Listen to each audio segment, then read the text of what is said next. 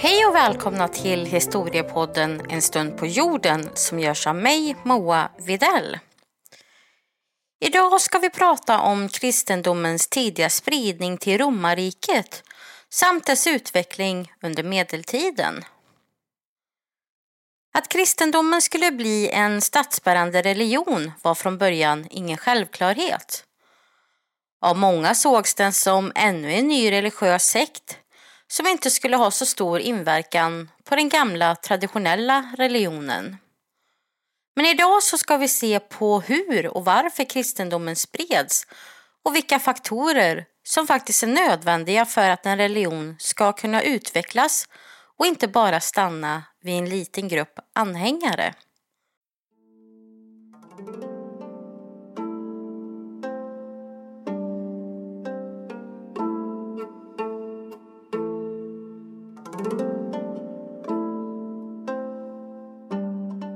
När vi talar om kristendomens spridning till romarriket och till att den blev en statsbärande religion måste vi till en början ta upp de mekanismer som ligger bakom när en religion sprids. För att det är ett likartat skeende som gäller både då och nu. När vi talar om kristendomens spridning till romarriket och till att den blev en statsbärande religion måste vi till en början ta upp de mekanismer som ligger bakom när en religion sprids. För det är faktiskt ett liknande skeende som gäller både då och nu. Kristendomen var till en början en judisk sekt som kom att utvecklas till en kult. I Apostlagärningarna kan man läsa om hur människor frälstes och således kom in i religionen, vilket inte stämmer helt överens med de historiska källorna och den senare bild som vi har fått. Därför ska jag nu ta upp de förutsättningar som gjorde att den kristna religionen spred sig. Och en av de allra viktigaste mekanismerna bakom en spridning är nätverksteorin. Det handlar om att man känner eller känner till någon som redan är anhängare eller har en tro på den kult som redan finns. På så sätt får man en koppling till själva kulten och det känns inte alls lika främmande att själv delta i till exempel ett massmöte. Det finns alltså en viktig social aspekt bakom att ansluta sig. Kristendomen var på den här tiden inte heller en lika absolut religion som till exempel judendomen. När man gick med så behövde man inte bryta med sina andra familjemedlemmar eller till exempel klippa alla sina band med sitt tidigare liv. Man kunde fortsätta sitta och äta med folk av andra religioner och det var inte alls lika stränga levnadsregler. Det här innebar att det inte var en lika stor social risk att ansluta sig till kristendomen då man både kunde ingå i en ny gemenskap och ett nytt nätverk samtidigt som man kunde ha kvar det gamla.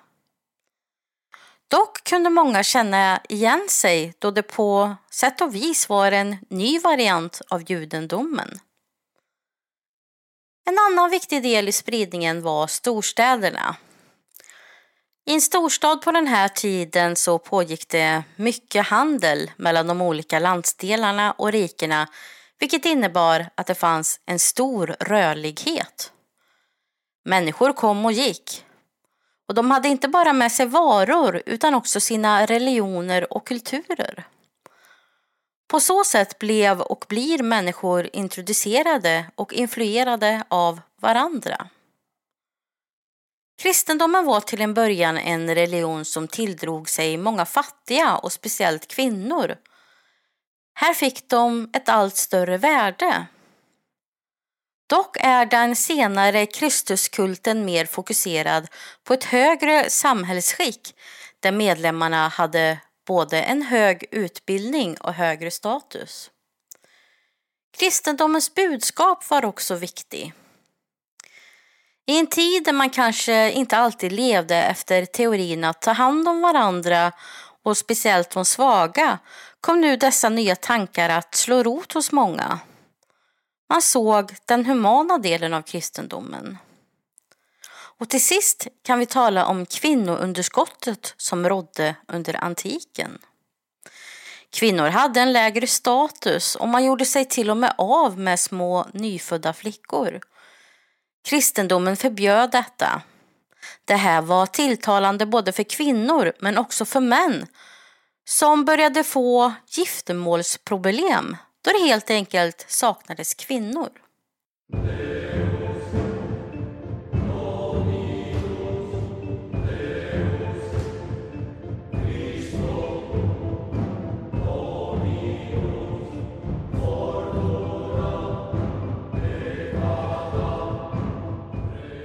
Hur påverkades då Rom av det här? Ja, I Rom fanns alla förutsättningar som jag nämnt ovan för att kristendomen skulle sprida sig, vilket den faktiskt gjorde relativt fort. Rom var en handelsstad där många människor rörde sig och det fanns en ganska hög toleransnivå när det gällde religion. Till en början bestod kristendomen av flera mindre sekter och kulter som kom att utvecklas till fasta församlingar. År 144 efter Kristus samlades de kristna församlingsledarna för första gången för att ta ställning för en gemensam tro. Men de kom inte överens och det visar på att det fanns en ganska stor och brokig skara som var följare till kristendomen. Det fanns flera olika inriktningar som till exempel gnostiker, valentiner etc. Men till slut så växer faktiskt en huvudkyrka fram med sina egna texter och Jesus Kristus som frälsaren. År 313 efter Kristus blev kristendomen en laglig religion i romarriket, vilket var viktigt. Allt fler hade anslutit sig till den och många av dem som gjorde detta kom från överklassen. På så sätt slutade också de förföljelser som de kristna utsatts för under en mycket lång tid. Kejsaren Theodosius valde sedan år 391 att göra kristendomen till en statsreligion. Utan det här beslutet så hade kristendomen med största sannolikhet inte fått den spridning och den status som den fick. Varför Theodosius valde att anamma kristendomen är svårt att precisera. Självklart kan han ha haft en religiös övertygelse men det fanns säkert andra faktorer som var bakomliggande, till exempel makten över folket. Men nu tar vi och hoppar fram några hundra år.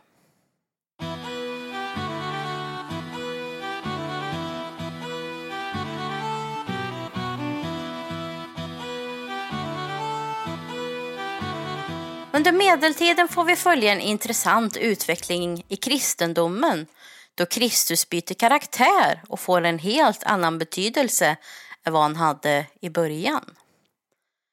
När den kristna tron spreds i Europa var missionerande viktigt. Men vad hade då den nya tron att erbjuda? För de olika stammarna och folken i Europa var det viktigt att ha en gud som stod för makt och seger. Därför kom Kristus att ta en form av en segrande och härskande gestalt som hade en större makt än de tidigare gudarna. Den här sortens gud var tilltalande inte minst för de ledande skikten i samhällena. Det gagnades av ett förbund med en mäktig gud som kunde hjälpa dem både i det jordiga livet och i det andliga livet. På den här tiden följde det vanliga folket sina ledare i, vad de trodde på och det var därför viktigt för missionärerna att övertyga just dem som hade maktpositioner i de här olika klanerna och länderna att ta till sig kristendomen. Man talade inte om Gud och Kristus utan Kristus fick en särställning då man inte ville att det skulle ske ett missförstånd och att man skulle se dem som två olika gudar. Och den här bilden av Kristus kom att vara dominerande ett bra tag in på medeltiden. Dock smög sig den lidande Kristus på korset in som en viktig symbol. Till en början handlar detta också om en segerhistoria. Själva korsfästelsen är inte så viktig, men korset som symbol kom att stå för seger medan lidandet var en gudomlig handling. Jesus får en mänsklig gestalt i meningen att han måste bli människa för att ta på sig mänsklighetens synd, men det är fortfarande hans gudomliga sida som är den mest tongivande. Under 1200-talet sker en maktkamp mellan kyrkan och påveämbetet som i grunden handlar om vem som ska ha mest makt. Där försöker varje part att använda Kristus för sin egen gang. En stor förändring sker under hög och senmedeltiden och här får Kristus en helt annan karaktär. Det skapas ett nytt intresse för Jesu liv. Detta har sin orsak i att Jesus nu blir tillgänglig för den större massan på ett annat sätt. Genom korståg, ögonvittnesberättelser och tillgång till de platser som Jesus levde sitt liv blir han en mer verklig person. En till anledning var också att fler människor började utforska sin egen relation med Kristus och således sökte efter drag hos honom som de kunde identifiera sig med. Nu blir också reliker en viktig del för människor för att komma närmare Kristus i en fysisk kontext. På Wikipedia kan vi läsa följande. Reliker kallas kvarlevor eller föremål som kan knytas till helgon. Det kan vara kvarlevor av helgons kroppar eller ägodelar eller sådant som kan ha varit i beröring med dem och anses vara heliga. Det som anses heligt är till exempel bitar av korset som Jesus korsfästes på. Det kan vara helgons kvarlevor, helgons svepningar, kläder etc. Korset kan också betraktas som ett föremål som uppfyller relikegenskaper. Varje katolskt och ortodox altare bör ha en relik. Vördnad för reliker förbjöds under reformationen av reformatorerna. Och en relikkult förekommer även i exempelvis buddhismen och hellenismen. Det finns tre olika klasser eller kategorier av kristna reliker. Första klassens relik är Kristi pinoredskap. Till exempel bitar av det sanna korset, spikarna, törnen från törnekronan med mera. Till första klassen räknas även de delar av ett helgons kropp, det vill säga olika skelettdelar. Andra klassens reliker är ett helgons klädesplagg och ägodelar samt en martyrs tortyrinstrument.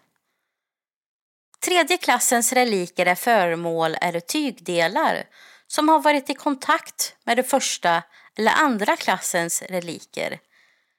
Dessa kallas för kontaktreliker.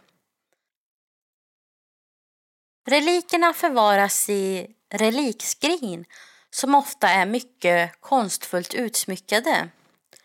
Inte sällan föreställer relikskrinet något som förstärker innehållet. Till exempel kan benen från ett helgons arm placeras i ett skrin som ser ut som en juvelbeströdd arm. Vissa relikskrin är utformade med hål så att besökare eller helgedomens förvaltare kan föra in ett föremål och på så sätt få en kontaktrelik. Slut citat. Här ser vi alltså hur helgonreliker och helgonkulter också kom att bli vanligt under medeltiden. De här helgona har i sin tur en alldeles speciell koppling till Kristus och Gud. De här kan också tillbedjas. I början var de martyrer som offrat sitt liv för sin tro men kom senare att präglas av människor som haft syner och uppenbarelser av Kristus. Men när senmedeltiden inträffar kommer ett nytt intresse att uppstå. Jesus som barn. Han föddes som den nakne pojken och symboliserar en pånyttfödelse av Adam. Ett barn som är fött utan synd. Och detta beror mycket på hur munkar och andra religiösa eliter framställer honom. Likaså fokuserar man nu på Kristus lidande, inte som en martyr, men som att komma honom närmare. Genom att leva fattigt och lida uppnådde man detta. Man skulle känna den smärta som Kristus hade känt. På så sätt blev Kristus mer greppbar för den större befolkningen. Från att ha varit en härskande och segrande Kristus så blir han den gestalt som lider för våran skull, som tar på sig vår synd och genomlider korsfästelsen. Kristus blir en mer mänsklig gestalt under medeltiden som allt fler människor kan relatera till. Under renässansen ser vi ytterligare hur kristendomen förändras och bilden av Kristus. Inte minst genom reformationen där man på ett ytterligare personligt plan skulle lära känna och ha en personlig relation med både Gud och Jesus. Och religion är något som ständigt förändras och utvecklas. Nya samfund ser dagens ljus och andra försvinner. Vad framtiden har att erbjuda inom kristendomen, ja, det får vi helt enkelt se.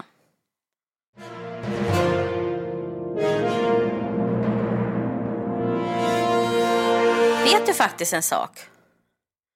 Det fanns mer än 600 planer att döda Fidel Castro. Ja, 600.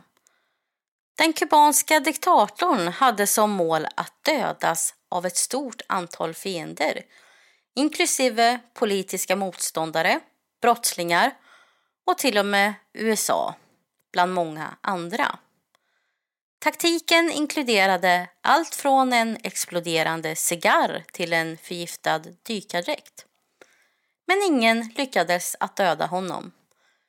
Fidel Castro dog vid den höga åldern av 90 år den 25 november 2016 och begravdes den 4 december i Santiago de Cuba. Tack för att ni har lyssnat på veckans avsnitt och jag hoppas att vi hörs snart igen.